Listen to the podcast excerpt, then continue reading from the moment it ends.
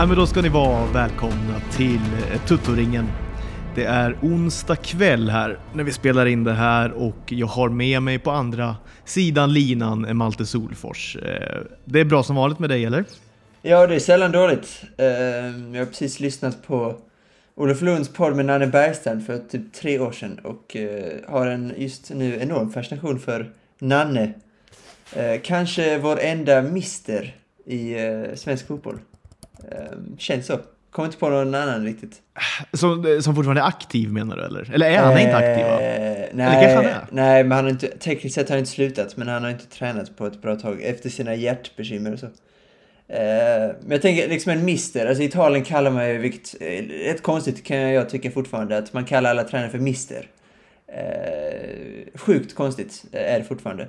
Och vi har ju liksom inte riktigt den auran, alltså svenska tränarna, även om vi har tränare med pondus så. Men just Mister-auran, den här gubben som är liksom fotboll ut i fingerspetsarna, det är ju Nanne nästan ensam om, känner jag. Ja, men alltså eh, Mister Mister, alltså Mister över alla andra Misters är väl ändå Carlo Ancelotti? Någonstans, Jo, absolut. jag. Och eh, Absolut. alltså verkligen, eh, vad skulle hans liksom, Nanne Bergstrand, Sveriges liksom, Carlo, det, det hade ju varit fattigt ju. Men det, det kanske är så. Jag vet, ja, men så tänker jag. En Fattigmans Men-. Carlito, Nanne. Bergstrand. Ja, Det, det är ju deppigt såklart. absolut. Men jag- med det sagt att vi inte, vi har många tränare med pondus och så, och så men det är just den här Mister-auran som Ja, bara men- de har i Italien. Alltså Allegri och Ancelotti och Lippi och sådana. Ja. Det är Svennis? Svennis var ju ändå en mister. Absolut, men han är, han är, han är i Italien mer nu än vad han är i Sverige, känner jag.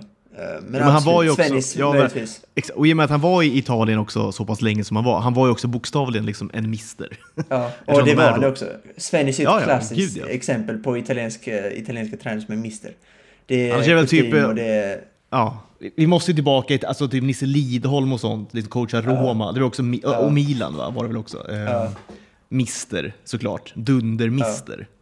Nej men nu, när, alltså, nu liksom, finns det väl ingen sån? Nej men jag menar, vi har ju de här Kim och Tolle-typerna som jag älskar såklart. Men de är ju inte mister. Och det är ju inte heller, alltså de här kostymnissarna som Micke Stare och Andreas Alm och sådana är ju inte heller mister. Eh, utan det är ju bara att träna liksom. Som i England också, alltså det, är- det är ju bara ett italienskt fenomen. Och det känns som att utom Svennis då såklart, så är Nanne Bergstrand det enda namnet vi har. Alltså sån här gubbe som kan fotboll, når resultat, inte säger så mycket, har temperament, det är ändå lite fi- alltså underskattad karriär får man ändå säga. Så han har ett sjukt CV. Champions League med Helsingborg, etablerade Kalmar som ett topplag och vann både cup och SM-guld och sen tog upp Hammarby till Allsvenskan. Alltså hans CV är 100%. Han lyckas ju vart han än kommer. Är, Ja, han, så han har ju alltså- starka papper också. Han är, han är ju faktiskt mer mister än typ Jan Andersson ju. Är han ju. Ja, ja det, får man, det får man säga. Och inte för, Det- och det, det jag, säger, jag säger inte, Nanne är inte en bättre tränare, men eh, han är mer mister helt enkelt. Vi ska väl heller inte säga att han inte är en bättre tränare kanske. Jag vet inte. Det är svårt att ut- utvärdera kanske, just nu. Nej men det är väl min tes att Nanne är väl en av de mest underskattade tränarna vi har i svensk fotboll. Alltså alla kategorier. Han hade ju lätt kunnat vara förbundskapten. Alltså han har ju den kunskapen så att säga. Och gud ja. Så bara det. Fascinerad för Nanne Bergstrand. Just nu. Så jävla vresig. Okej, Så jävla alltså bara i allmänhet också. eller är det liksom någon, någon speciell liksom, idé eller tanke han har om fotboll som är liksom... Ja, men han är är bara också, hans alltså, personlighet? ja, men det är också, han är otroligt vresig. Alltså, han har egentligen inte fotbollsaura så. Alltså det är inget sexigt över honom på något sätt. Eh, Men Nej, han det är kan man ju inte fotboll. påstå. Och, nej, det kan man inte påstå. Men han är, men han är också, jag gillar det sättet han, han förespråkar debatt och så. Eh, Så att det är liksom inte, han är inte den här tysta svensken utan han är, han är liksom, han har det svenska lugnet men han har ändå åsikter och tankar som han gärna delar med sig av. Undrar om det är därför han liksom Eh. aldrig har blivit, jag vet inte om han har blivit erbjuden det, men han har ju aldrig tagit någon förbundskaptensjobb. Undrar om det är för att han är liksom en liksom, jobbig gubbe att ha. Liksom. Han hade varit en mardröm, mardröm för typ, typ Håkan Sjöstrand. Alltså total mardröm för, ett för, för liksom Svenska Fotbollförbundet att hantera Nanne Bergstrand. Nanne kör ju över Håkan. Jo, såklart. Men det hade ju inte Håkan accepterat. Alltså det hade blivit slitningar från dag ett. Liksom. Nej, alltså, alltså det hade varit perfekt. Alltså, efter Lagerbäck 2009, tänk Nanne istället för Hamrén. Eh, då, och Nanne som precis hade vunnit SM-guld med Kalmar. Eh, då hade vi kanske inte suttit här med eh, 1-4 Österrike och sånt. Eh, förmodligen inte, med all största sannolikhet får man väl säga. Ja, det hade varit kul. Alltså, jag gillar den här typen av liksom, alternativa historieskrivningar. Alltså, Ja, ehm, det är kul. det är faktiskt väldigt roligt. Och jag började kolla på en, på tal om, eh, vi har ju ändå Tuttoringen här, en, en, som ändå är en podd om, om eh, eh, Sagan om ringen är det egentligen. Rings of Power, men som nu bara är en allmän liksom, eh, serie och filmpodd typ i väntan på säsong två, eh, när nu den kommer. Men då, då såg jag faktiskt på, eh, undrar det var på Prime Video också, den här eh, The Man in the High Tower. Eh, som, som alltså handlar om, ja men det handlar om alltså om en, eh, det är en alternativ verklighet där då liksom nazisterna och liksom axelmakterna vann andra världskriget. Oh. Eh, USA är spännande. då liksom delat eh, mellan då eh, Nazityskland och Japan. och, Det låter, eh, det låter otroligt. Ja, men det, är- det, är en, det är en superidé liksom. Jag har bara sett två avsnitt Ja. än så länge. För det har inte varit en sån serie som jag säger, du vet, ja, jag måste se nästa avsnitt. Eh, men jag tycker ändå att den var, den var liksom bra och eh, framförallt är idén tycker jag väldigt, väldigt rolig. Liksom. Ja, man vill, ge, man, vill ge en sån, man vill ge en sån idé till ett geni, alltså typ eh, Tarantino-aktigt, alltså sådana grejer. Eh, tänk om de hade fått göra med en sån eh, berättelse, det hade varit. Ja, men, men, exakt. Och, och då blir det ju ändå kul, eller bra vet man ju också. För han gjorde ju en sån histori- alltså, alternativ historieskrivning i vår favoritfilm, en av dem, eh, liksom Inglourious Basterds då. Ja, det får man. Som man ändå, så det var ju fruktansvärt liksom, eh, ska man säga, tillfredsställande att se Ja, de här då, eh, nazisttopparna bli liksom, eh, massakrerade. Eh, var det ju. Att man kan glädjas då åt, åt, åt människors liksom, eh, ja, död helt enkelt. Eh, Men men glädjas åt det ändå utan att känna skuld eller skuldkänslor. Och att man är en dålig människa. Det, det låter fan spännande. alltså. Men jag hade hört talas om det. Det låter, det låter som en idé som borde ha fått mer spridning. Framförallt om det går på så här Prime Video eller något sånt. Ja, men det, alltså det går ändå på ett stort nät och jag vet faktiskt inte varför den inte fick liksom mer, för den kom alltså, jag tror det är en så här fem sex år sedan eh, liksom säsong ett kom. Eh, den har liksom, jag vet inte, den har gått under radarn mycket på något vis, men jag tycker ändå det, var en habil serie som jag verkligen ska liksom se klart. Eh, I alla fall säsong ett får man ju se hur långt man orkar sen.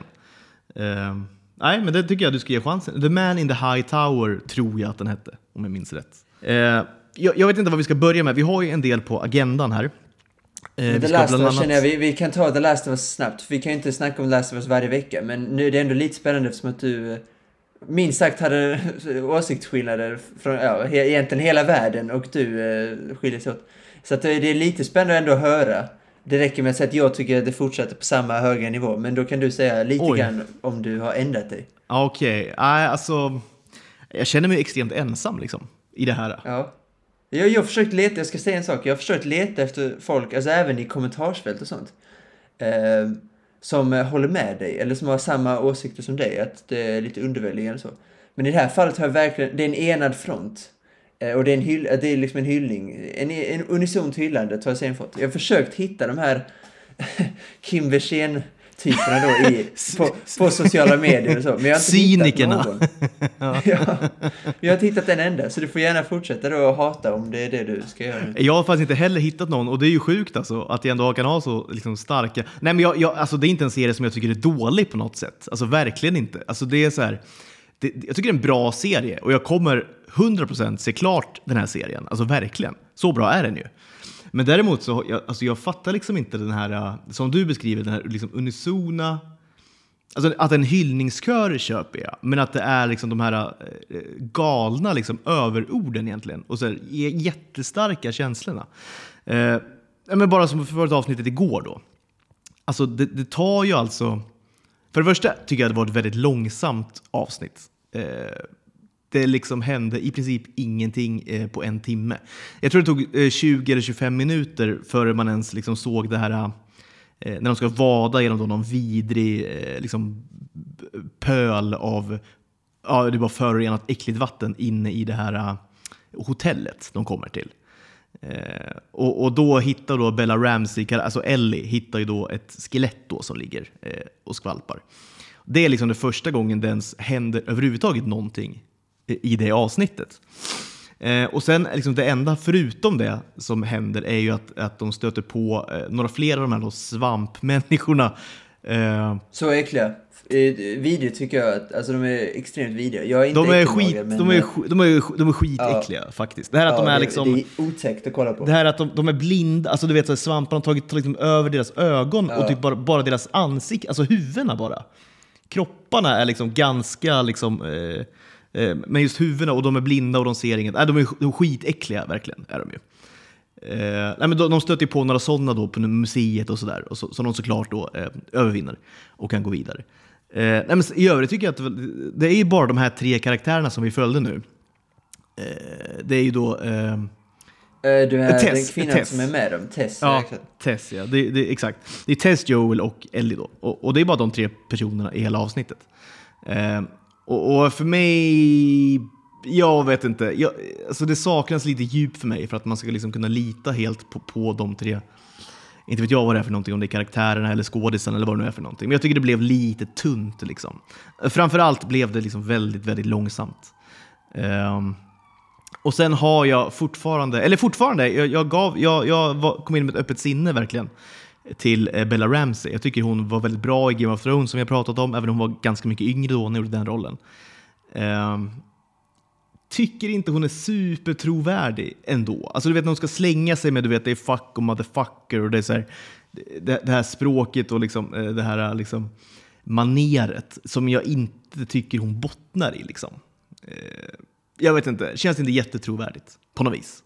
Um, vad, vad, vad tyckte du om liksom pacingen i avsnittet? Nej, jag hade faktiskt inga problem med det eh, överhuvudtaget. Det här kändes, alltså om vi ska vara helt ärliga, förra avsnittet hade en otrolig intensitet första 30 minuterna som sen saktade av. Ehm, vilket såklart, det var ju logiskt. Det går inte att hålla upp en sån i en timme och 20 eller vad det var. Ehm, så det här kändes mer rytmiskt och härligt på något sätt. Att, eh, ja, alltså det var, fanns en pacing som var höll genom hela avsnittet, vilket jag tycker ändå är, det är skönare att kolla på det än vad det var i första avsnittet. Även om det var fantastiskt första då halvtimmen, enligt mig. Och många andra får man säga. Ehm, så jag, jag tyckte det var ett jättebra avsnitt. Eh, jag, som sagt, alltså, det hände inte så mycket, men det är också en postapokalyptisk värld. Det är väldigt stämningsbyggande med regin, med musiken som jag tycker är väldigt, väldigt bra. Alltså allt påminner väldigt mycket om Tjernobyl, tycker jag. Alltså hur de använder ljudet och musiken. Och alltså, jag får mycket Tjernobyl-vibes över hela, och det är inte så konstigt eftersom att Craig Mason eh, har skrivit, eh, förmodligen varit, haft, ja, han varit väldigt involverad med hela serien. Så alltså ljudet, musiken och såklart skådespelinsatserna. Bella Ramsey, absolut, men det är så här, sällan blir man golvad av barnskådespelarinsatser. Alltså det är, det är inte ofta. Jag kräver bara okej, alltså av barn. Det är väldigt sällan jag känner wow. Eh, Det är typ i sjätte, alltså Sixth Sense. Men hon är, Jag ändå, kände- hon, är ändå, hon är ändå 19 liksom. Alltså så här. Nej, är hon så gammal? Ja, alltså Nej, ja, det? Ja. Hon är liksom Ja, en vux, hon är ändå en vuxen människa med liksom, äh, men ganska mycket erfarenhet tar jag väl för givet att hon har nu ändå. Liksom. Jo, absolut. Absolut. Men... Eh, nej, jag köpte den ändå. Sen får vi se. Det är, återigen, hon har bara varit med ett och ett halvt avsnitt. Lite knappt. Så att vi ska... Det är inte omöjligt att jag kanske inte älskar henne heller. Eh, men som sagt, Peter Pascal tycker jag är väldigt, väldigt bra i den här rollen. Eh, Tess tyckte jag... Jag tycker inte hennes karaktär är så likeable, men det är ju inte hennes fel. Jag tycker inte om hennes karaktär riktigt i spelet heller. Eh, så att det är bara min personliga åsikt. Men jag tycker hon spelar väldigt bra. Jag tycker att det ser väldigt snyggt ut. De, de får ju monstren ser väldigt äckliga ut. Eh, som sagt, alltså det är väldigt motbjudande att kolla på dem. Eh, och återigen filmskapandet, väldigt imponerad av Neil Druckmann som regisserar det här avsnittet. Eh, lite orolig med tanke på att han ändå håller på med tv-spel främst. Eh, så att nej, jag är fortsatt väldigt imponerad av serien och Alltså The Walking Dead är väl den senaste så här riktiga postapokalyptiska serien med zombies och så. Så att det känns som att det var länge sedan vi såg en sån här typ av serie slash film. Åtminstone på den här nivån. Eh, så att ja, jag är jätte... Ja, jag, jag tycker det ska bli skitkul att fortsätta kolla på det här varje måndag när det kommer. Och det känns som att eh, om inte nå- någonting stort händer så får vi väl återkomma lite grann till det här varje vecka. Åtminstone och se eh, hur du tycker, för det är mer spännande än vad jag jag, jag tycker som alla andra i princip att det är jättebra. Ja. Ehm, så det känns som att vi får återkomma till teman varje vecka. Att du får säga, du får prata av dig. Eh, det här är ditt forum att säga ja, dina kontroversiella åsikter. Verkligen. Min, min, liksom, min chans var lite motvalls en Ja, gång i veckan. Ja. Nej men som sagt, jag, tyck, jag, tycker, jag tycker det, det, alltså det är en bra serie. Det, det är liksom inte det jag säger.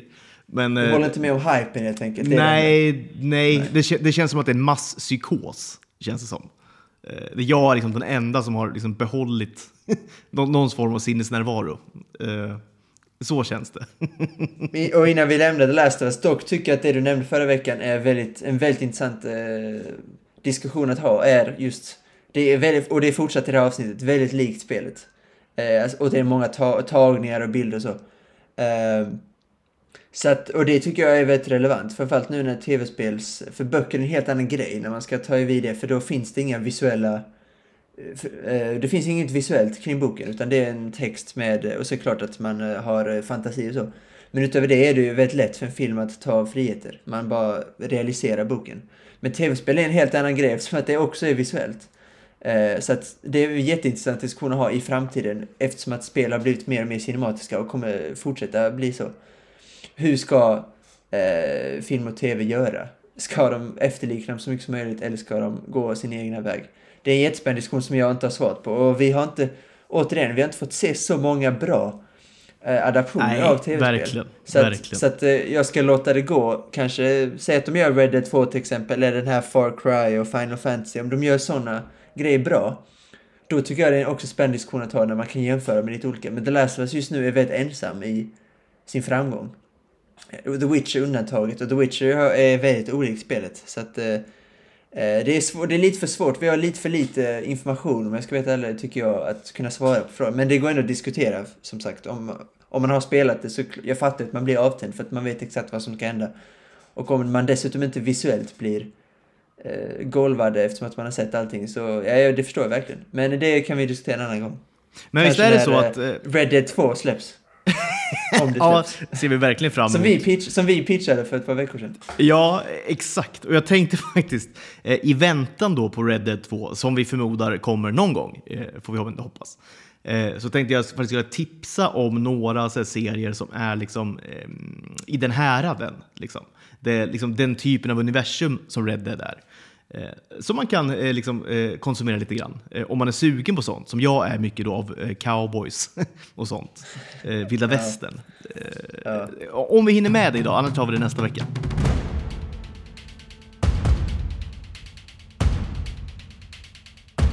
Ha, har vi liksom, är det något mer du vill säga om avsnittet? Ja, nå- en grej som skilde sig var väl ändå hur, hur Tess, den karaktären dör ju då.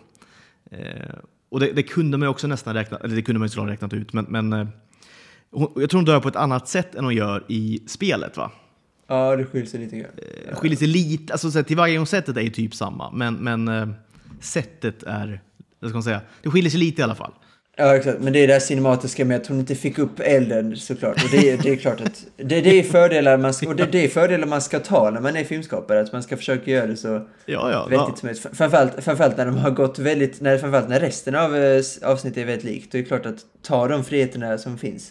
Känner jag. Så det var, tycker jag var en bra, en eh, uppgradering helt enkelt. Det var bra men också väldigt förutsägbart. var det inte det? Ja, ja. Man, man, man, man var inte orolig för att de skulle få upp elden. Däremot, däremot var det ju liksom nästan filmens vidrigaste scen. Alltså, eller det var ju seriens vidrigaste scen. När, Ja, kysstes. hon, hon, är, exakt, hon är ju då infected. Eh, Så hon vet ju att hon ändå kommer dö, liksom, så offrar hon sig då. Och då kommer det då fram en sån där svampgubbe och liksom hånglar upp henne. Eh, Ja, nej, det är inte- det, det är inte- Alltså de här svampporerna kommer upp ur hans mun, in i hennes mun och så vidare. Det, det var ju en, det var ju, det var en fruktansvärd scen alltså. Men som sagt, jag är verkligen inte alls äckelmagad. Jag älskar Clockwork Orange och Inglourious Basterds och våld och sånt. In, Det var, inget problem det var ingenting för dig. Ingenting alls. Men för det här är äckligt. Det är någonting med just sju, sådana sjukdomar. Alltså Philadelphia till exempel tycker jag är jättesvårt att kolla på. Alltså allt som har med aids att göra. Och, och egentligen sjukdom generellt. Och eh, klassiska är också för mig Pirates of the Caribbean. Eh, Bootstrap Bill. Inte David Jones, även om det är såklart inte är jättefräscht att han är liksom ett, ja, huvud till, eh, ja vad det nu är för något exakt, men det är minst, det är ju någon slags fisk, eh, bläckfisk. Eh, Bootstrap Bill då, Stellan Skarsgårds karaktär, som har liksom korall fast på ansiktet. Jag vet, Det det, varit är, liksom- det det- är ju skitäckligt faktiskt. Ja, och det har varit mitt äckligaste, förmodligen, alltså den äckligaste filmsekvensen, alltså hans, just, hela hans karaktär.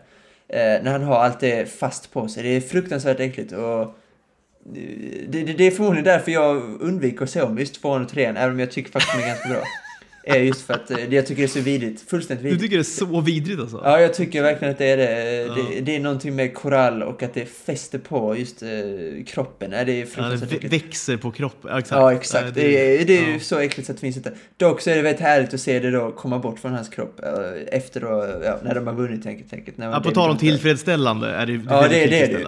Det är det verkligen. Allt det försvinner, det är ju superhärligt såklart. Men nog om Stellan Skarsgård. Ehm, det var jätteäckligt såklart. Ja, men jag, tänker att den här kyssen då som de eh, delar. Ja, mer eller mindre frivilligt.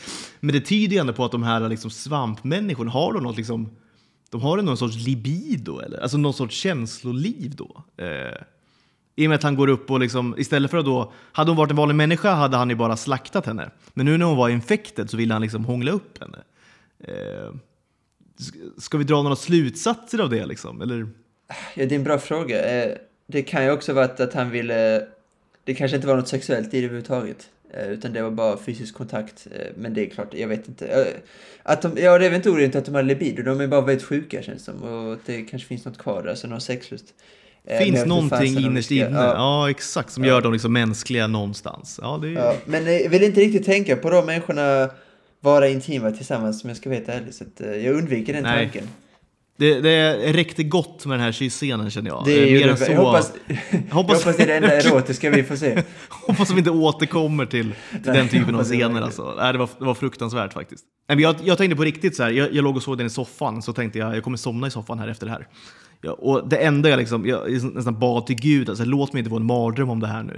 Det klarar jag inte av. Liksom. Nej. Så himla äckligt. Liksom. Ja. Nej, fy Nej. satan. Eh, fruktansvärt. På tal om äckligt och vidrigt då, så har det varit Guldbaggegala eh, i veckan. Fin övergång, får säga. ja.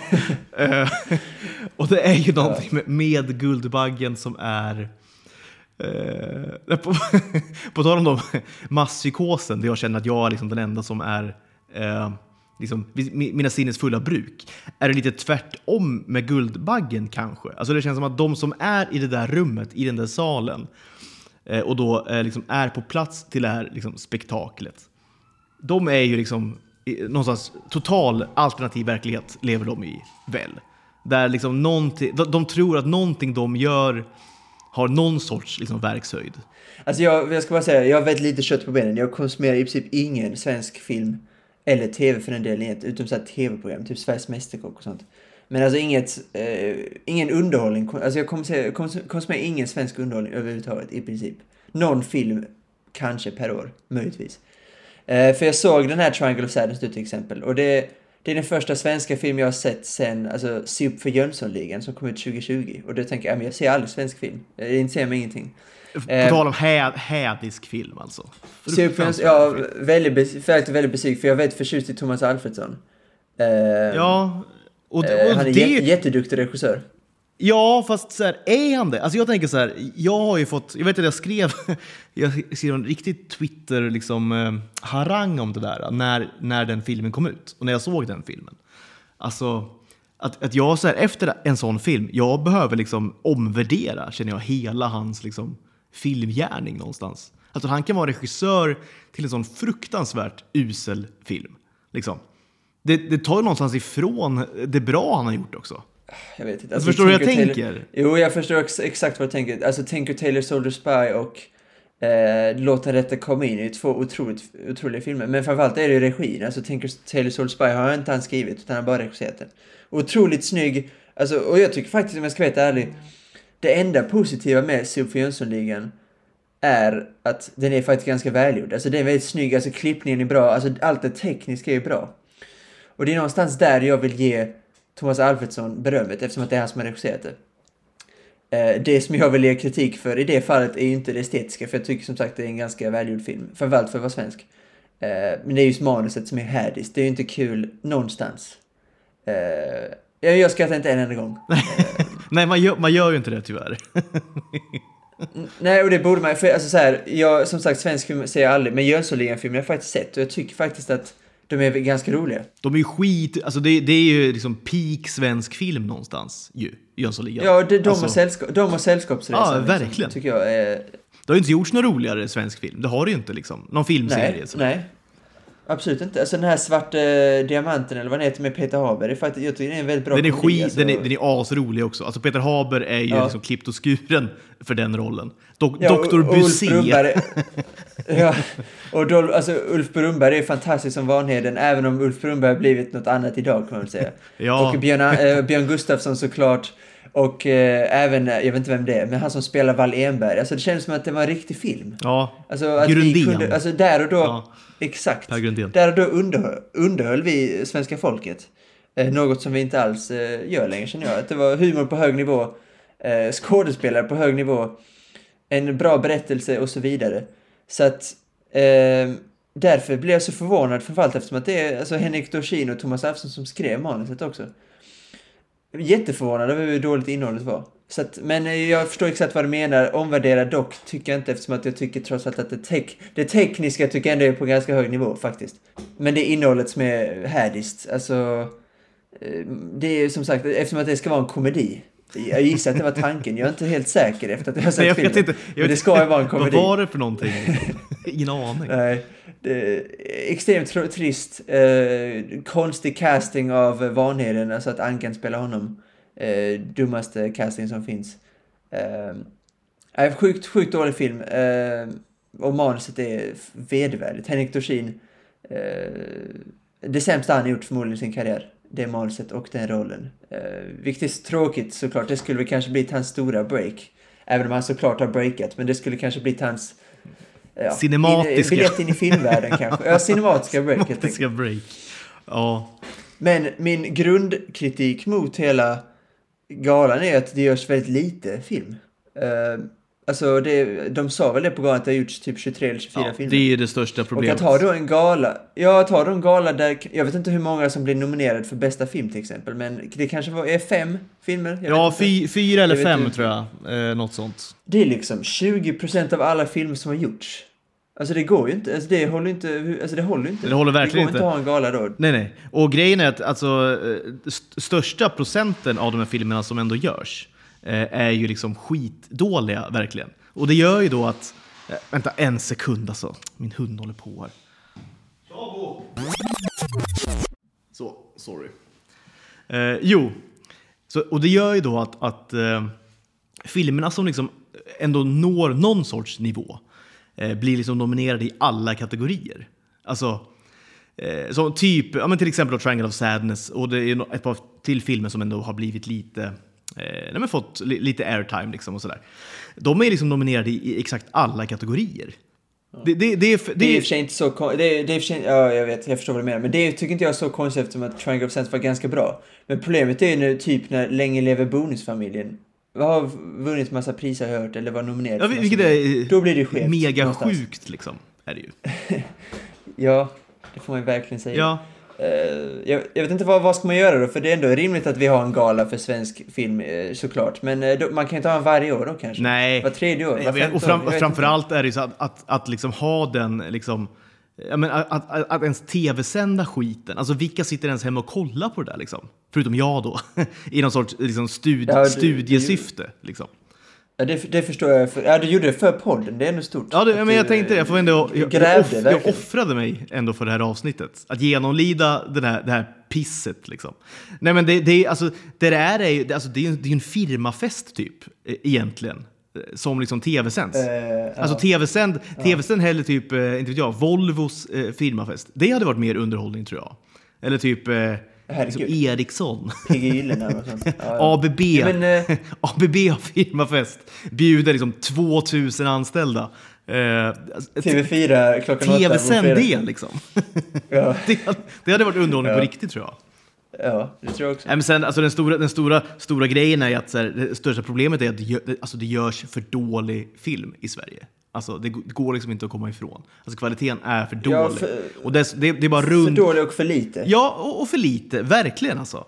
Eh, och, och det, är liksom, det är rundgång bara bland regissörer och manusförfattare och skådespelare. Vi har liksom bara en klick och de gör allt. Liksom. De är med i alla produktioner som överhuvudtaget finns.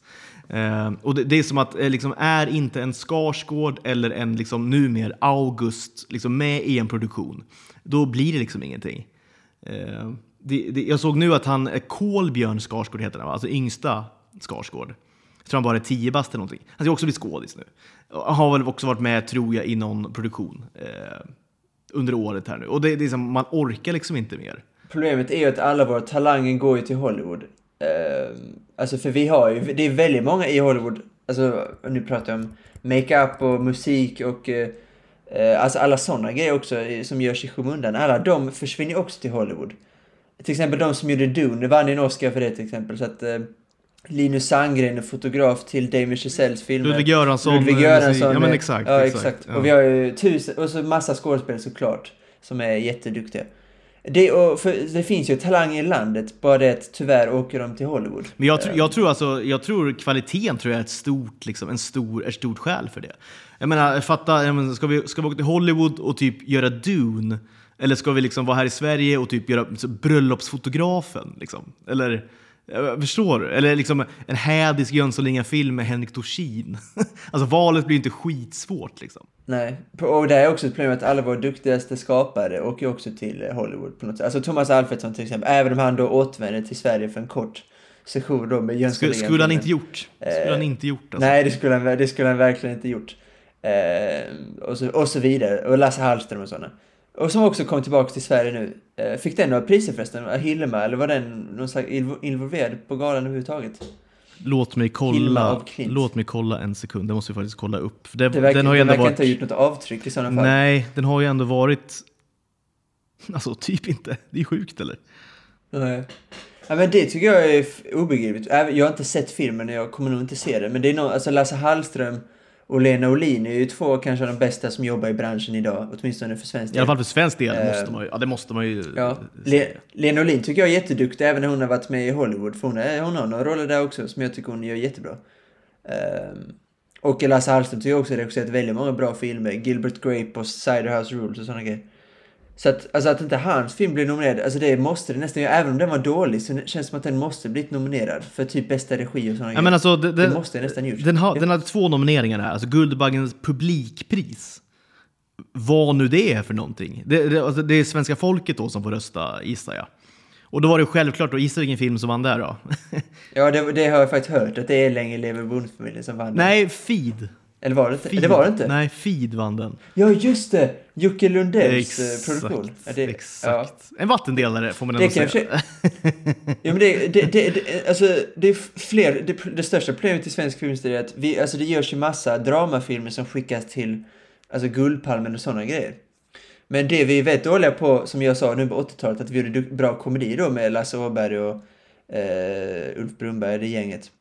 Det är att vi gör väldigt få underhållningsfilmer. Typ som Feed eh, och den här UFO Sweden. Alltså det är två... Det görs ju väldigt lite sånt jämfört med till exempel Danmark och Norge och sånt. Vilket är väldigt konstigt. Vi, är lite, vi har ju det här, alltså Dramaten i oss. Alltså det här djupa Ingmar Bergman, eh, Lars eh, Norén och sånt. Det, jag tror det ligger i oss lite. Vi är lite för pretentiösa i, i kultursverige fortfarande. Vi har inte det här, vi har inte det här amerikanska blockbuster liksom i oss. Och det är lite för fult fortfarande. Eh, så här, killar som var stora spelare som Rolf Flaskgård och Christer Henriksson och sådana, de är liksom inte, de är inte intresserade av det. Um, så att det, jag tror det är också där skon, skon klämmer ganska mycket för oss. Men vi hade ju det, men det är nog som du säger, alltså det blir blivit för pretto liksom. Vi hade ju ändå en tid där vi liksom både kunde ha Ingmar Bergman, men sen kunde vi också ha liksom Sällskapsresan. Och båda liksom var liksom världsklass egentligen. Alltså, Eh, eh, har ingenting som ens liknar du vet, en Jönssonligan-film, eh, även om det liksom görs Jönssonligan-filmer, eller Sällskapsresan-filmer. Liksom, det blir liksom inte kul, det blir liksom inte bra heller. Och det, det är den där pretensionen, liksom, det är bara att kolla på typ Ruben Östlund, måste vara den mest pretentiösa människan eh, liksom, förmodligen i norra Europa, kanske. Sen, sen gör han väl liksom... Då tycker jag ändå, tri- då tycker, äh, jag tycker ändå Triangle of Sadness var lite mer kommersiell. Uh, därför, alltså, det är min favorit Östlund-film och tycker att den, alltså på en uh, Guldbaggen-gala borde den, jag hoppas att den slopade rent. Ja, men jag, hoppas tror, jag, tror, jag, tror de, jag tror de vann typ sex priser och så här. Alltså storslam liksom. Eh, Vann den bästa film. eh, bästa film blev... Ja, det gjorde den. Det Ja. den. Och den vann bästa regi också. Och Ja. bästa manus och sånt. Det, Nej, ja, bästa. Ja, men det det manus, Boy from Heaven, eh, har jag inte sett. Jaha, okej.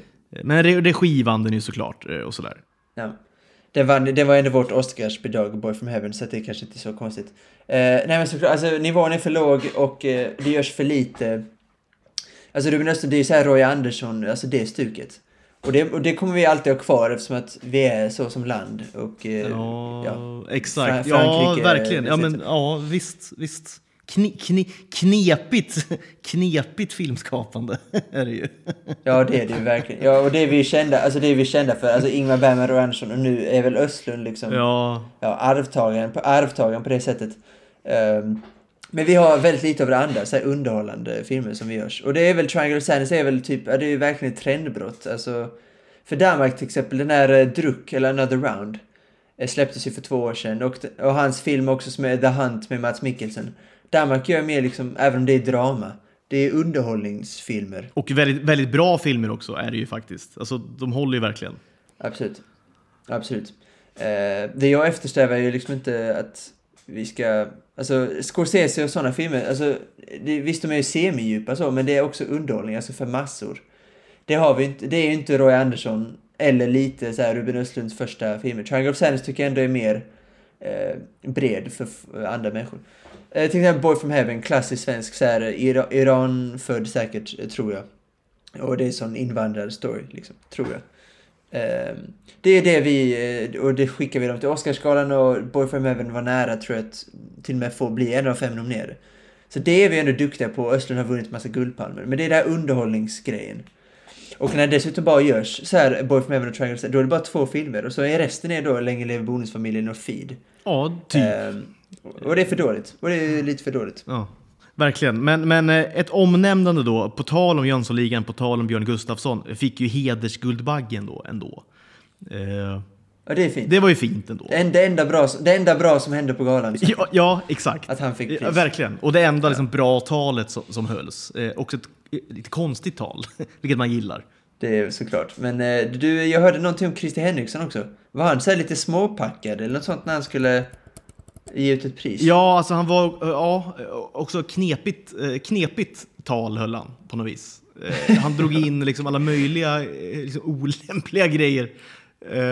Jag, jag, jag vet inte, jag fick känslan att det liksom var en liten typ reaktion på liksom de andra grejerna som sades hela tiden. Men det var så här, men så, så, Det är inte omöjligt. Men så här, du vet, det skulle vara kritik mot regeringen, typ en sån grej. Alltså, Märta Stenevi, liksom, eh, Miljöpartiets språkrör, sitter i publiken. Och du vet, så här, det, det är så väldigt, det är så väldigt, kan vi väl ändå säga att det är vänstervridet mycket, liksom, eh, sådana grejer. Det, alltså man, får, man får ändå säga att 90, 90% av folk som satt i den eh, salen var ju garanterat centerpartister och vänsterut. Det kan man ju slå fast. Ja, ut, utan att lägga någon värdering i det, men jag tror ändå att, att man Absolut. kan slå fast det ändå, att det är så. Och Ja, då kändes det som Men så att... är det ju. Kultur, kultursverige är ju så. Ja, det är ju vänster. och då, då kändes det verkligen som att han liksom kom fram där och, och liksom bara ville, ville liksom, Provocera. vara lite provocerad. Ja men typ. Alltså så här, och det gillar man ju. Det gillar man ändå. Det var lite uppfriskande kanske. Ja, alltså någonting måste ju hända för den galan om alla, så här, återigen utan att lägga värdering i det, men om det är konstant godhetsknarkande och det är bara fint och så, så krävs det ju ändå lite, ja, något annat helt enkelt. Något Ricky Gervais-aktigt. Det ska inte behöva vara så bra stämning hela tiden. Nej, nej, jag, verkligen på den inte. Framförallt när det inte finns några filmer att hylla så måste det väl finnas någonting annat, tänker jag. Ehm, så att det- lät ändå lite kul. Jag kanske ska leta upp det ja, talet eller vad det nu var. Ja, ja, det kan du väl göra, tycker jag. Eh, absolut. Eh, sen vet inte jag om vi ska säga så mycket med den Guldbaggegalan. Det, det är ju vad det är någonstans. Det, det är ju någonting som... Ja, Klart, vi- vinner man en Guldbagge är väl det kul, eh, men det är inte kul för någon annan så att säga. Alltså det är inget av intresse liksom för, för massan. Jag tycker bara det är tråkigt för att... Exakt, jag tycker det är tråkigt för att vi... Alltså det är klart att det måste finnas en gala för att hylla film. Är det film och tv eller det är bara film? Ja, det är film. Det är... Ja. För tv görs det ändå lite... Det görs ändå lite bra... Alltså här, jag har inte sett uh, jättemycket. Återigen, jag är inte jätteintresserad. Görs inte så mycket, Men jag har sett ganska mycket, det görs inte så mycket bra, eh, men, men däremot görs det ju alltså, betydligt mer. Liksom. Det görs ju mycket liksom. Så där tycker jag ändå att, att en gala, man kanske skulle slå ihop liksom, Guldbaggen. Att bo, både ha liksom, film, som typ som en Golden Globe, liksom. Ja. man kör både och. Ja, det känner jag att... Ja, det känner jag att det är det enda rimliga. För det är inte rimligt att låta det gå var tredje år. För det, det, det går inte. Nej, det går inte heller, Det är inte heller liksom. rättvist mot alla. Nej. Och det är inte rättvist mot alla som faktiskt har gjort en film. Oavsett om den är dålig så får man ändå respektera att de 24 gjordes. Ehm, Men jag tycker, jag håller med dig, alltså, det borde vara både film och tv. För det görs mycket tv. Och jag säger spontant, Beck, det borde väl ändå blivit nominerad på, alltså på riktigt, det är ändå underhållning. Och vi är duktiga på krim. Varför inte är den filmen nominerad? Den nya som kommer nu på juldagen. Ja. Det, känns, det kanske den var i och för sig, vad vet jag. Nej, det, ja, vad hette den sa du? TV, Gull... spont- eh, Beck, vad fan hette den? Det hette någonting, den kom ut nu på juldagen, nya Beck. Okej. Den Nej, borde blivit nominerad. tror inte det. Men jag tror, jag tror det har att göra Nej. med liksom att, att det är liksom Beck, liksom, det är inte så kreddigt att göra en Beck-film liksom. Så Nej, den blir liksom men- automatiskt diskad tror jag, från ens liksom, diskussionerna, tyvärr. Men nu kollar inte jag på Beck, även om många gör det. Men jag känner spontant att det kanske är det mest underhållande som görs i landet, spontant. Alltså det måste det vara, för vi är duktiga på Crim Noir. Eh, och det är alltså, såklart Peter Haber och det är välspelat och allt sånt. Det är spännande. Men de Sen är ju, de de är, alltid är de är mellan ju två och tyvärr, tre de är ju plus. tyvärr, liksom, de är ju tyvärr jättedåliga. Liksom. Eh, är de ju. De, Ja. jag, har inte sett all, jag har inte sett de nyaste Beck-filmerna. Jag orkar inte. Jag, de, jag tycker de är för dåliga. Men jag tycker ändå du har någonting i det du säger. Alltså, så här, de, får ändå, du vet, de får mycket spridning. De ses av väldigt många människor. Alltså, de är ju folkliga. Något Beck är så är det att det är folkligt. Liksom. Eh, och även när de liksom gick på bio bara för, för, när, liksom, för serien innan den här serien, fyra, fem år sedan kanske. Jag gick ju och kollade på Beck på bio, liksom. Eh, gjorde man ju. Eh, så jag menar, ja, alltså värd en nominering måste de ju ändå vara när de ändå ses och konsumeras av så otroligt många människor. Liksom. Och ändå som är liksom uppskattade också, för- filmer. Ja, ja men framförallt med, alltså i konkurrens. Med konkurrens ja men den exakt. Verkligen. Eh, Men typ som jag ska bara säga, tv här, alltså det görs ändå lite så här grotesko, svenska nyheter eh, och vad heter det med Jesper Rönndahl, den här Dips. Det görs ändå lite bra så här, tv, jag har bara sett sketcher av grejer, men det jag har sett, framförallt av Dips, verkar vara att det är ganska roligt. Eh, Så det känns som att spontant att det görs ganska mycket Ja men även se, alltså, du vet Partisan ändå ganska stor, alltså Ja. Fartblinda, eh, ja men du vet så det görs ju också sådana serier liksom. Ja, och det, jag ser, filmindustrin har ändrats, som vi har pratat om det mycket, att det är mer och mer tv-serier och att framförallt mindre länder som Sverige då, att de har lagt mer fokus på, på eh, tv-serier, vilket ju såklart är jättelogiskt. Eh, Men då måste man nog lägga ihop galan, att göra bästa filmen, bästa tv-serier och sådana grejer, så att det blir en större gala. För då är det ändå så snabba cash och sånt blir jättestort och den här Young Royals, det, det är ändå värt att, det är ändå, då blir ändå galan lite mer mastig. Ehm, Ja, då blir det ju en gala, alltså då är det någonting man kanske till och med skulle kunna kolla på, liksom, även liksom, oironiskt, så att säga. Ja, för bio i Sverige, alltså bio för svenska filmer, det lever ju inte i princip idag. Alltså hur många går och ser, ja, det är typ Bonusfamiljen då, men det är typ den enda filmen som folk gick och såg i år. Eh, utan då blir det streaming eller något annat. Och då är, har det blivit resultatet att det bara gör 20 filmer eller något sånt. Men då måste man lägga ihop tv och film för att det ska bli en gala. Så det är väl det slutordet, slå ihop dem, film och tv. Ja, Eh, eh, stark, gala. Det får stark heta upp- Guldbaggen då. Ja, det kan det väl heta. Stark uppmaning eh, från eh, Tuttoringen. Liksom, slå ihop film, serier och så heter det fortfarande Guldbaggen. Men så blir det en mycket bättre och mycket roligare och också mycket mer relevant gala. Ja, absolut. Då kanske till och med jag hade tittat. Nej, det hade jag inte gjort. Eh, men kanske. Kanske ändå. Nej, nej, nej, det hade jag inte.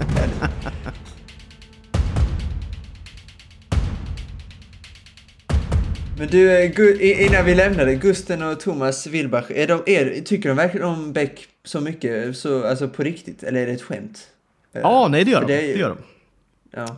Jag är ju, jag är ju i samma båt där. Alltså, älskar Beck.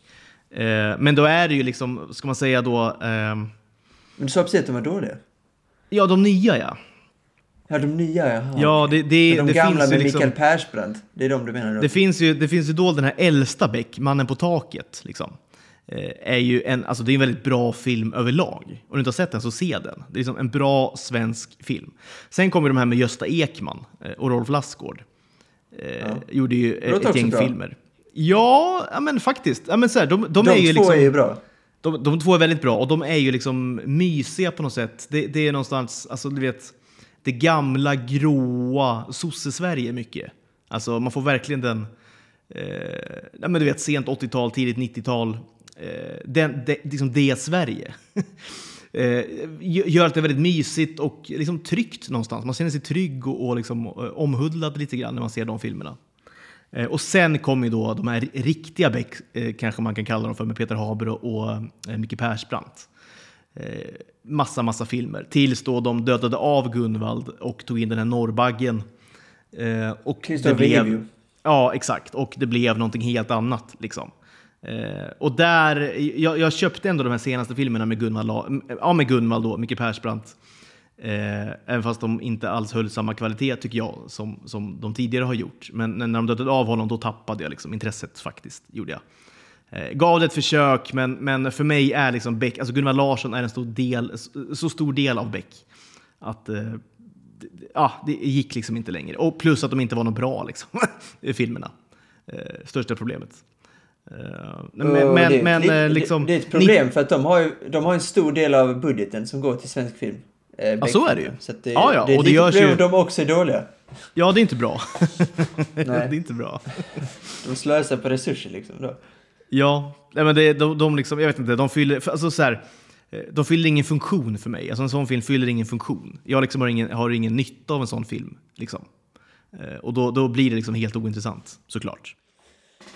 Eh, Och då sätter vi Guldbaggen och ja, hela, sven hela svenska filmindustrin sätter vi på, i utvisningsbåset just nu då. För, Ja. på obestämd framtid.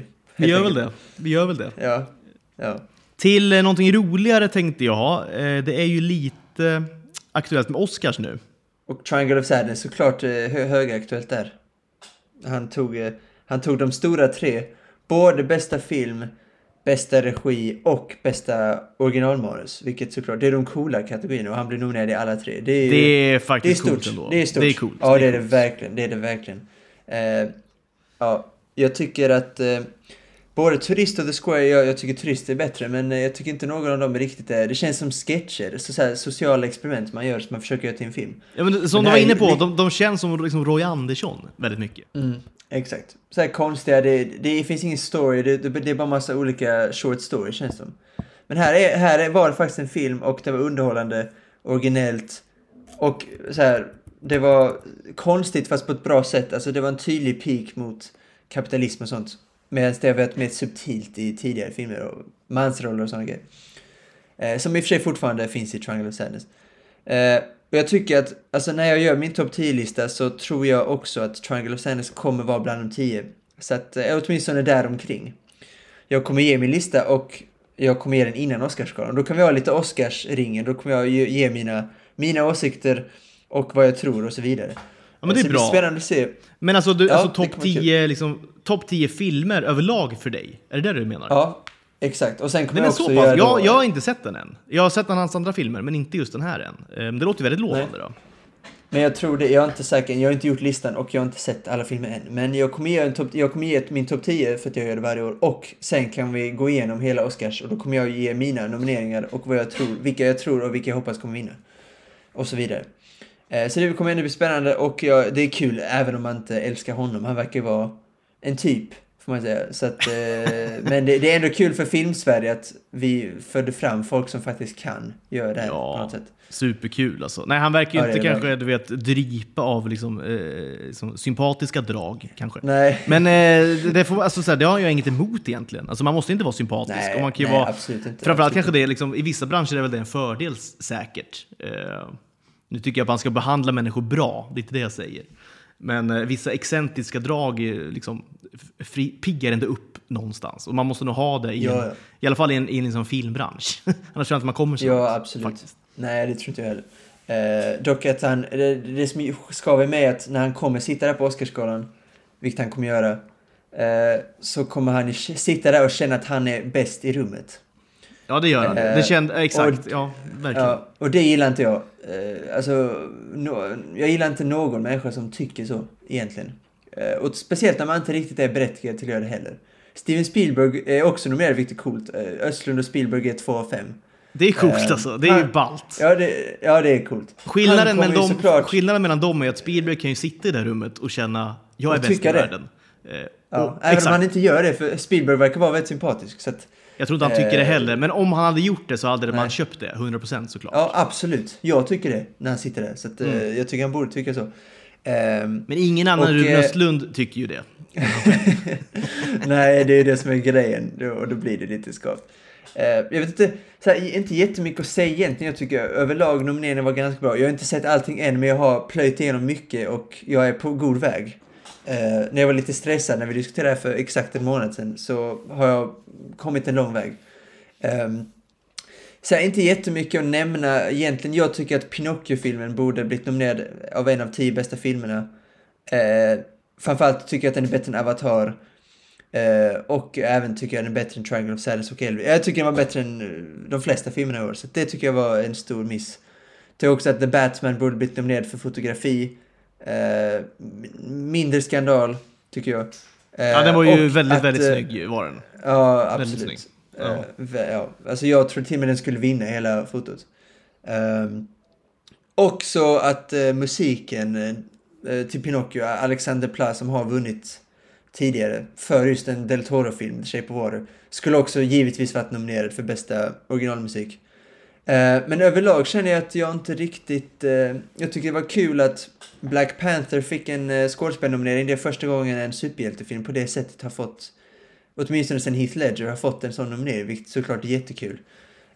Um, Prisades ju också på, annars... på Golden Globe, så det verkar ändå vara en, ja, en liksom, genuint mm. bra film. Ju. Alltså som uppskattas ja. av även kritiker. Liksom. Ja. Eh, och såklart, vi visste ju det här, alltså Golden Globes är ju en fingervisning. Och att eh, Kiyu Kwan fortsatt blir nominerad för bästa biroll och han är väl någon slags minifavorit till och med vinna hela priset hade det varit så kul att få se honom vinna. Eh, otrolig film och han är väldigt bra i den också. Eh, sen eh, det mest intressanta såklart är bästa regissör, bästa film och eh, bästa manliga skådespelare. Ehm, även lite kvinnliga, fast där känns det ändå lite mer givet att Kate Blanchett kommer vinna för Lydia Tarr. Men eh, det är ett otroligt race mellan Austin Butler och eh, Brendan Fraser. Ja, det är det och även, alltså. lite, och även lite Colin Farrell eftersom att alla tre har vunnit priser eh, på olika galor och i olika kategorier. Så att jag tycker det faktiskt är väldigt ovisst. hade ju varit, att... äh, men hade varit fräscht om Colin Farrell vann tycker jag. Alltså i och med att det har varit ja. ett, alltså, på många sätt och ganska länge ett liksom, tvåhästars race ju. Ja, mellan Brendan Fraser verkligen. och Austin Butler. Att då Colin Farrell kommer liksom från dödens liksom, eh, och tar hem skiten på något vis. Det hade, hade varit kul ja. ändå, någonstans. Ja, alltså Colin Farrell är en av mina absolut favoritskådespelare. Jag har inte sett Banshees ännu, men jag är väldigt förtjust i alltså, regissören och manusförfattaren och hans förra film där Brendan Gleeson och Colin Farrell eh, delade skärmen, alltså In Bruce som jag älskar. Exakt, ja, eh, klassisk klassiker verkligen alltså. Ja, så att, ja. Eh, jag, och jag ska se den på fredag nu, Banshees, och jag, alltså min gissning, man ska inte egentligen gå in med förväntningar, är att det kommer vara min favoritfilm eftersom att den är väldigt mycket, alltså min typ av film. Och jag är väldigt förtjust i Colin Farrell och de klipp man har sett. Spontant tror jag att det kommer vara min favoritfilm och jag tror också att Eh, den borde, jag, jag kommer tycka att den kommer vinna bästa originalmanus. Och att till och med, till och med att jag kanske tror att Colin Farrell vinner för bästa manliga skådespelare. Men jag, alltså Fraser kändes tokgiven innan, men eh, det känns som att både Butler och Farrell skulle kunna vinna. Det, eh, det är jättespännande tycker jag, för det, oftast är det, de senaste åren har det varit typ Joaquin Phoenix för Jokern, eh, Mahershala Ali för både Green Book och Moonlight. Det har alltid varit givna vinnare. Eh, DiCaprio för Revenant och sådana grejer. Ryan Gosling för La La Land. Det har varit väldigt tydligt. Um, men eh, det här året känns som att det verkligen kan gå vilket Och jag tycker alla tre kommer vara givna. Det är givna, alltså det är, jag kommer vara nöjd med alla tre. Ja, de är ju de är värda det. Jättebra liksom. som Elvis. Alla tre ja. är värda det. Kommer inte vara, det är ingen som jag tycker, jag hoppas verkligen inte den vinner. Jag har inte sett The Whale heller ännu, men jag tycker Austin Butler förvånade mig jättemycket i Elvis. Um, kom från ingenstans lite grann, slog in som en bomb ja, liksom, på något vis. Verkligen. Alltså, ja. 100 procent. Uh, jag är inte heller jätteförtjust i Baz Luhrmann, så att den filmen och honom framförallt då, uh, verkligen förvånade mig. Jag tror verkligen inte den ska vara så bra. Och Butler är ju verkligen nästan så att vi pratar lite för lite om det. Alltså sättet han har lärt sig sjunga som honom. Eh, alltså sådana alltså, detaljer för vår ja, skull. Och, för vår skull. Menar, vet, han behöver det, inte göra det. Nej men exakt. Och det, jag tycker det är fascinerande för att alltså, om man lyssnar typ på hur han pratar, alltså även nu typ, alltså du vet i ja. intervjuer eller sådär. Alltså han pratar nästan som Elvis liksom fortfarande ja. lite grann. Alltså du vet, han, han är så liksom all in i den där rollen. Att han, han har liksom fortfarande lite Elvis kvar i sig. Eh, ja, verkligen. Jag tycker det är väldigt, ja, det är kul. väldigt fascinerande. Ja, det är kul faktiskt. Det är det verkligen. Ja, men att han, att han har lärt sig sjunga så, för det är verkligen för vår skull, för tittarna. Lite som Tom Cruise, att han gör sina egna stunts. Alltså det är verkligen för vår skull. uh, ja. jämfört, med Bohemian, jämfört med Bohemian Rhapsody där jag tror inte att Ryan Malek sjöng själv utan de spelade in Freddie Mercury och de hade ja. CGI-publik på live och sådana Exakt. Nej, det, Jämför det, det med Austin Butler ja. liksom. Nej, det blir inte... Nej, men det förtar mycket faktiskt. Det gör verkligen ja, det. Från helheten. Det, gör, det, det gör det helt klart. Alltså. Och med Baz Luhrmanns stilistik och eh, hur filmen ser ut och hur den är klippt så gör det verkligen den till en intressant biopic. Till skillnad från i princip alla andra biopics på något sätt. Um, så jag tycker det var kul att den blev nominerad för jag tycker den förtjänar hyllningar. Även om jag kommer nog inte ha med den bland mina tio tror jag. Den är nog strax utanför om jag måste gissa nu. Um, så tycker jag ändå det är jättekul att den blir nominerad. Och framförallt att Austin Butler... Någon, det finns en, ett litet ställe i min kropp som vill att han ska vinna. Um, för att jag tycker han förtjänar det. För att han blir verkligen Elvis på något sätt. Framförallt när det är en sån stor grej Alltså Elvis impersonators finns ju hur många som helst i Vegas. Så att, uh, att han gör det verkligen till sin egen grej tycker jag är fantastiskt. Även om jag, jag kommer heja på Colin Farrell uh, såklart. Mm. Nej men det stora, men, alltså, han, gör, han gör ju liksom Elvis utan att det blir en karikatyr, liksom, utan att det blir någon sorts exakt. Liksom, som maskerad. Liksom. Ja men som det ofta blir, exakt. Ja. Exakt, ja. exakt. Han gör det till sin egen på något vis. Ja. Eh, och det, och det ska ja, bli jättespännande det, att se vad Austin Butler gör nu i framtiden. Mm. Eh, för det känns som att uh, the sky's the limit för honom. Ja, han är väl Hollywoods hetaste person just nu, måste han ju vara. Ja, och med all rätt också. Ja, gud ja. Tycker jag. jag hoppas, han ska vara med nu i nya Dune och sånt, men än så länge är det inte mycket projekt som han är med i. Men det, han kommer nog vara högaktad av många regissörer. Han har redan jobbat med Tarantino i Once upon a time in Hollywood, så hoppas att han Precis, kanske kan vara med på något sätt i hans sista film. Känns som att Tarantino blir inte mindre sugen efter att se honom i Elvis. Nej. Känns så i alla fall. Borde han inte bli. Eller så är det det han blir. han blir mot Ja, just det. Just det. Ja, det kanske han blir. Det kanske han blir. Ja. Men vi kan hoppas i alla fall. Ja. Men det känns som att vi kan återkomma till eh, Oscarsgalan då. Eh, om någon månad tror jag att jag kommer kanske, ja, om fyra veckor, fyra avsnitt kanske kommer jag dra min lista av min Oscars men överlag inte så många så här chockgrejer, utom då för svensk eh, grej såklart att Triangle of Sadness fick de nomineringarna. Det här racet, eh, bästa manliga skådespel, vilket kul. Bästa film hittills, alltså det känns som att det står mellan Fablemans och eh, Banshees då, som jag ska se på fredag. De två känns ganska givna. Möjligtvis Top Gun. Jag hoppas, det hade varit jättekul. Det hade varit eh, fett för, kul alltså. Det hade verkligen varit Ja, det hade varit skit. Och jag, jag ska inte säga någonting, men det är inte helt omöjligt att den är nummer ett på min lista över tio bästa filmer i år. Så att eh, det har varit skitkul och det känns som att den är den enda rimliga outsidern om jag ska vara helt ärlig. Um, Eh, så att ja, vi kommer väl återkomma till Oscar. Eh, dock, du skrev någonting om Rat sist, det tycker jag är spännande. För jag har ändå, du, du har sett Elvis va? Eh, du såg filmen? Ja. Tom Hanks. Det tycker jag ändå är en, en jätteintressant diskussion för att jag känner mig, på tal om din ensamhet där med The Last of Us. Jag känner mig också ensam med att tycka att Tom Hanks inte var så dålig. Jag visste inte heller att det var en grej att folk tycker han var dålig i Elvis-filmen. Så jag är lite spänd på att se vad du tycker. Eh, nej, det tyckte inte jag heller. Jag, jag har varit mest eh, som du, alltså förvånad. alltså, han vart alltså ehm, eh, nominerad eh, för... Eh, dels då i, i den andra Pinocchio-filmen, då, alltså Disney... Eh, det kan jag köpa mer. Ja, han var ju då Geppetto. ja. Och det, ja, kanske inte var så bra. Eller vad tyckte du? Nej, inte, men, men, det var inte, Hank, det var såklart, det var inte Hanks fel såklart. Men eh, han var en del av det projektet så man får ändå tyvärr straffas för det. Ja. Eh, men han är också då eh, nominerad eh, för då sin roll som eh, eh Colonel Parker i, i Elvis-filmen. så att han har liksom dubbel, dubbelnominerad i Razzie Award. Alltså, det, det är en alternativ då, Oscarsgala för ja, de sämsta filmerna som gjorts helt enkelt under året. Och där är då Tom Hanks nominerad i två kategorier. Ja. såg man inte komma kanske? Ja. Nej, jag tycker det är tråkigt. Alltså jag vet inte, jag, jag ska inte säga att jag är en elak person, men jag gillar elak humor. Och humor som eh, ja, provocerar lite grann. Men den här galan tycker jag, den är lite elak på ett oskönt sätt. Men jag tror, jag, tror Nej, men jag tror, jag tror den har tappat lite grann så här, fotfästet kanske. Eh, alltså det började ju som en väldigt rolig grej tycker jag, när man verkligen eh, tog fram och verkligen så här, belyste liksom, eh, de usla, usla filmerna. Och, liksom, det kan jag köpa mer, alltså just filmerna. Ja.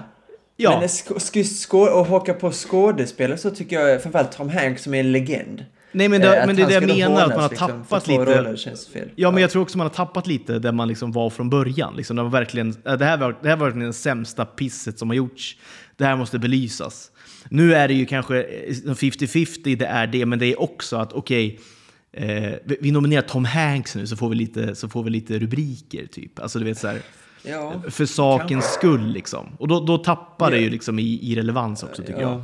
Jo, men jag, ändå, jag har också hört folk som inte tyckte han var speciellt bra, så att jag vet inte, det kanske är en grej att folk bara inte gillade hans jag kan köpa att han, jag tycker kanske inte han liksom var fantastisk som Tom Hanks kan vara. För han är ju framförallt ingen, han är liksom ingen bov, han är ingen villain på det Nej. sättet. Ehm, och det kan jag ändå köpa att folk inte köpte. Men att han var en av, alltså att det var en dålig insats som färgade över filmen. Det tycker jag verkligen inte att den var. Ehm, Nej, det tycker jag inte. Jag- man kanske hellre hade sett Christoph Waltz i den rollen till exempel. Ehm, det hade varit kanon, såklart. Ja, Eller ja, kan, ja, visst. Det hade han gjort jättebra förmodligen. Ja. Men det är, också, är det inte också någonting med Tom Hanks nu på sistone där han liksom bara... Eh, alltså han skiter lite i alltså priser och awards och han liksom gör det han tycker är kul på något vis. Eh, ja, men säg typ, ja, men som eh, Pinocchio nu. Eh, säg eh, den här Elvis-filmen. Säg eh, A Man Called Otto eller vad det nu kan vara för någonting. Alltså han gör liksom roller som han själv tycker är lite kul att göra tror jag. Och sen skiter han lite grann i liksom hur det går för filmerna. Eller sådär. Hur de upp, alltså så här. Eh, med- Medan han, han liksom har gjort allting, han har vunnit allt. Han har liksom, hans karriär är liksom one of a kind nästan. Alltså så här, Ja, ja, väldigt unik. Liksom. Det är inte många skådespelare som är i hans kaliber överhuvudtaget i, Hol- Nej, alltså, i Hollywoods historia. Liksom. Nej, Eh. Så det känns som att han gör liksom lite sådana grejer nu och då kan det ju kanske bli någon sorts backlash då kanske. Jag vet inte. Samtidigt, men men jag tycker det är kul också att han, att han väljer att göra sådana grejer.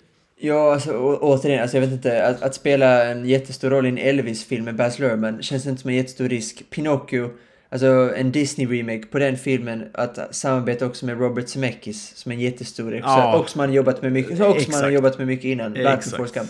Ja. Det känns inte som några risker egentligen, men jag köper vad du menar, att han kanske inte bryr sig lika mycket längre. Det kan jag hålla med om. Men jag hoppas att han får en så här sista Oscarsroll så att han får bli liksom avtackad på något respektabelt sätt. För att han kan inte avsluta sin storhetstid med att eh, få Razzies. Jag, jag tror inte han kommer vinna, framförallt birollen kan han inte vinna. Det Nej, vore det tror jag härdiskt. Ja. Eh, möjligtvis för Pinocchio, men återigen, det är inte hans fel. Det var ju, hela filmen var ett haveri. ja. Ehm, så att, eh, ja, men det tror jag älskar Tom Hanks och tycker att, eh, jag vet inte, som sagt jag gillar elak humor, men just att gå åt skådespelare på det sättet. Men det kanske är bara för att det är Tom Hanks. Eh, Men för jag, jag så tror... men jag, jag, på något sätt. Ja, exakt. Ja, men jag tror mycket det. Det blir någon sorts motreaktion kanske. Jag vet inte. Eh, Och som sagt, då, tycker jag ju att då, då är det här priset inte så kul längre. Liksom, om det bara ska vara så. Eh, sen, det, alltså det finns usla skådisar och jag har inget emot att man, liksom att man säger till någon du är en usel skådis, nu får du det här priset. Nej, jag vet. För att du är så Det kass. har väl inte jag liksom. heller. Men det är något med Eh. att Tom Hanks verkar vara så sympatisk. Men så här, så här, Nej, så men Tom Hanks, ska inte vara, Tom Hanks ska ju, han ska ju inte vara nominerad i sånt här pris. Liksom, Nej, det ska det, inte. går ju liksom Det inte. ska han inte. Nej, det går inte. Nej. Eh, Men till exempel när Jared Leto blev nominerad, vilket han blev för Morbius, andra året i rad, han blev också nominerad förra året för House of Gucci. Det är jobbig, jobbig streak han håller på med nu.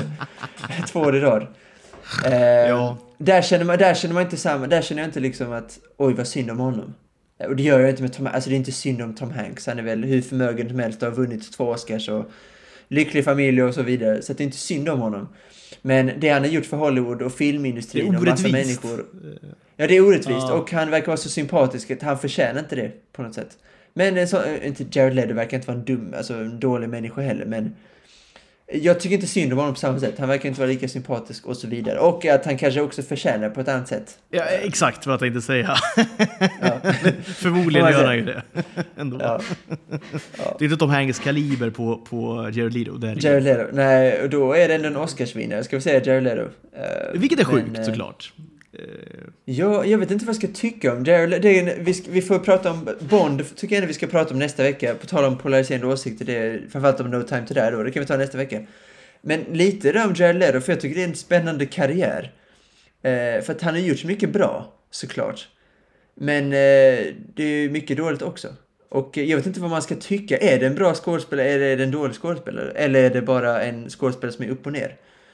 Det är en väldigt spännande diskussion att ha. För att han, som sagt, Jokern och eh, Morbius och eh, House of Gucci. Men också Dallas Buyers Club och Requiem for a Dream och sådana grejer. Så att äh, Jared Letos karriär är kanske det mest fascinerande just nu i Hollywood.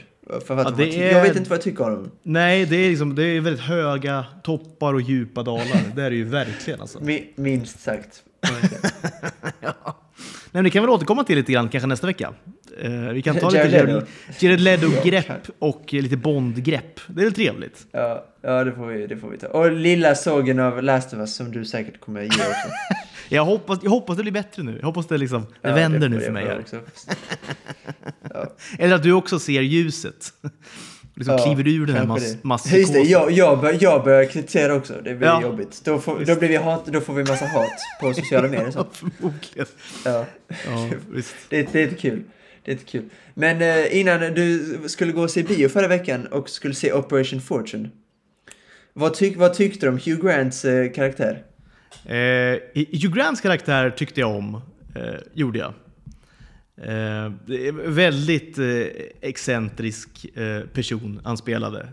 Snorrik och sådär. Nej men det var framförallt liksom... Ah, så här, det, är- det är långt ifrån det bästa Hugh Grant har gjort och det är också långt ifrån det bästa Guy Ritchie har gjort liksom, som filmskapare. Men jag tyckte det, det fanns en scen i slutet där när han, när han kommer upp med... Eh, alltså jag är så dålig på namn. Vad heter han? Alltså han Hollywood... Jason Statham? nej, Pearl Harbor. Eh, Uh, Pearl Harbor? Michael Bay? nej, alltså skådisen.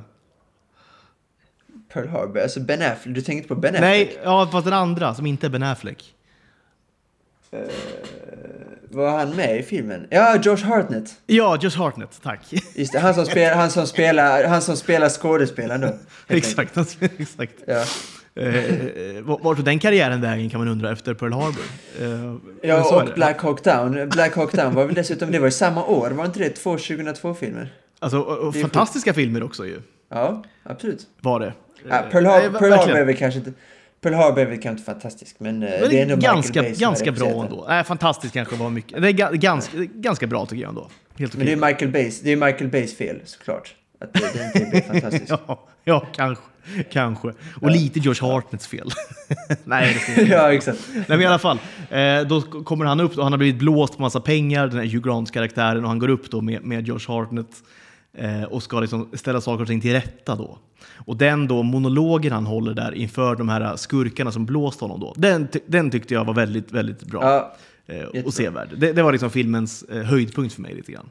Jag tycker att filmen var, alltså det var en bra actionfilm. Guy Ritchie, han är väldigt bra på att regissera action. Eh, och jag tycker att den var exakt lika bra som Wrath of Man, alltså den första. Så här 7 av 10 bra actionfilm, men kommer nog inte se om den, eh, tyvärr. Eh, men ändå så här, det var en bra film, men alltså för mig, jag vill ha det här rewatchability-faktorn som han har med Snatch, Lockstock, Sherlock Holmes-filmerna, även The Gentleman nu nyligen. Ja, den var ju Eh, faktiskt är bättre tycker jag också, håller jag med Ja. om. Eh, ja. Nej, det är nog ingen film, han det ska, är nog ingen film jag han ska heller... inte fastna i det här. Alltså det här actionstuket. Alltså det är jättebra action men det är inte tillräckligt bra filmer över det. För det, det här som är det quirky är ju Hugh Grants karaktär. Alltså det här eh, brittiska roliga. För det, det bästa med filmen är ju Hugh Grants karaktär. Alltså det är det roliga. Då känner man igen Guy Ritchie liksom. Ja, ja, nej men Jag det, tycker det är... Aubrey ja, Plaza ja, är visst. rätt bra också. Jason Statham är bra. Allting är liksom bra. Men det är inte så att man... Man lämnar inte biografen och tänker wow, den här kommer jag se om tusen gånger. Nej. Tvärtom. Det, det var en okej biorulle att se med polerna liksom. Käka en, en, en låda snacks eh, och garva kanske fyra gånger. Eh, och sen gick man hem igen. Eh, Alla gånger till Grant. Ja. Ja, exakt. Ja, absolut. Eh, Ja. Verkligen. Verkligen. Ja. Så att nej, eh, nej, sjua möjligtvis. En, en ganska svag sjua kanske den skulle kunna få då. Men Ja, någonstans där. sex, sex, sex och en halv, sju skulle jag Ja, ja, Jag kommer inte sånt. se den igen. Jag hoppas, jag hoppas att han lämnar här Ritchie. Jag vill tillbaka till... Han ska göra en The Gentleman TV-serie nu. Som kommer ut i år. Okej, vad tror vi om det Och då? en lit...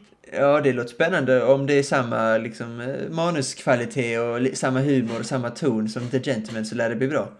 Eh, såklart. Eftersom att det är Ritchie och det var ett minst sagt roligt, alltså, jättebra film. Alltså där kändes det verkligen som att Guy Ritchie var tillbaka.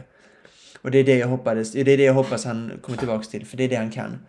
Uh, sen ska jag göra en så här liten krigsaktig film tror jag nu. Uh, så här, eh, inte låter inte jätte... Fast Guy Ritchie är duktig på eh, liksom regi, men just om man kan lösa det här med humor. Nej, det ska bli, ja, vi får se. Guy Ritchies karriär känns som att han håller på att förlora sig själv lite, tyvärr. Eh, men ja. Står han- Står han i vägskäl här, Guy Ritchie, lite grann? Ja, jag vet. Ja. Han håller på med eh, Disney-remakes också. Vilket är, det är roligt på något sätt. Han gjorde Aladdin-filmen som han skrev och regisserade. Och nu ska han både hålla på med en uppföljare och göra en Hercules-remake.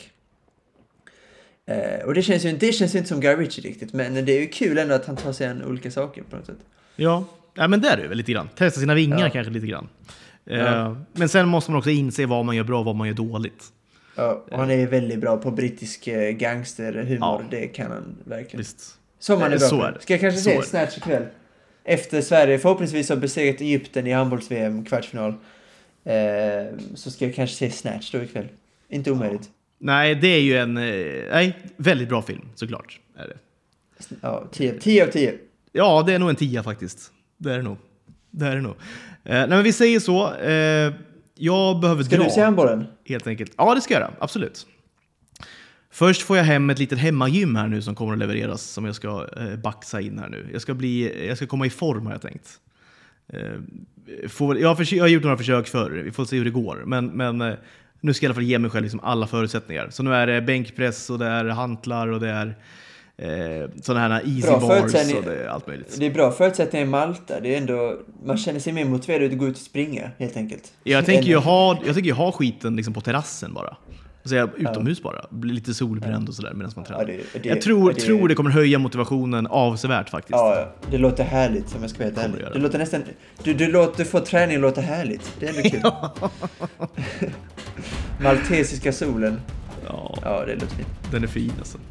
Eh, Den är fin. Men vi säger så, vi hörs om någon vecka ungefär eh, igen. Och eh, som vanligt är vi så glada att ni lyssnar. Vi älskar det. Kom gärna med synpunkter och eh, frågor och vad ni vill för någonting. Det är bara att skriva på Twitter. Eh, Jag heter Kim Wirsén, du heter Malte Solfors. Vi finns också på tuttopaluto.se, Klotterplanket och sådär. Det, det är bara att nå oss på något sätt.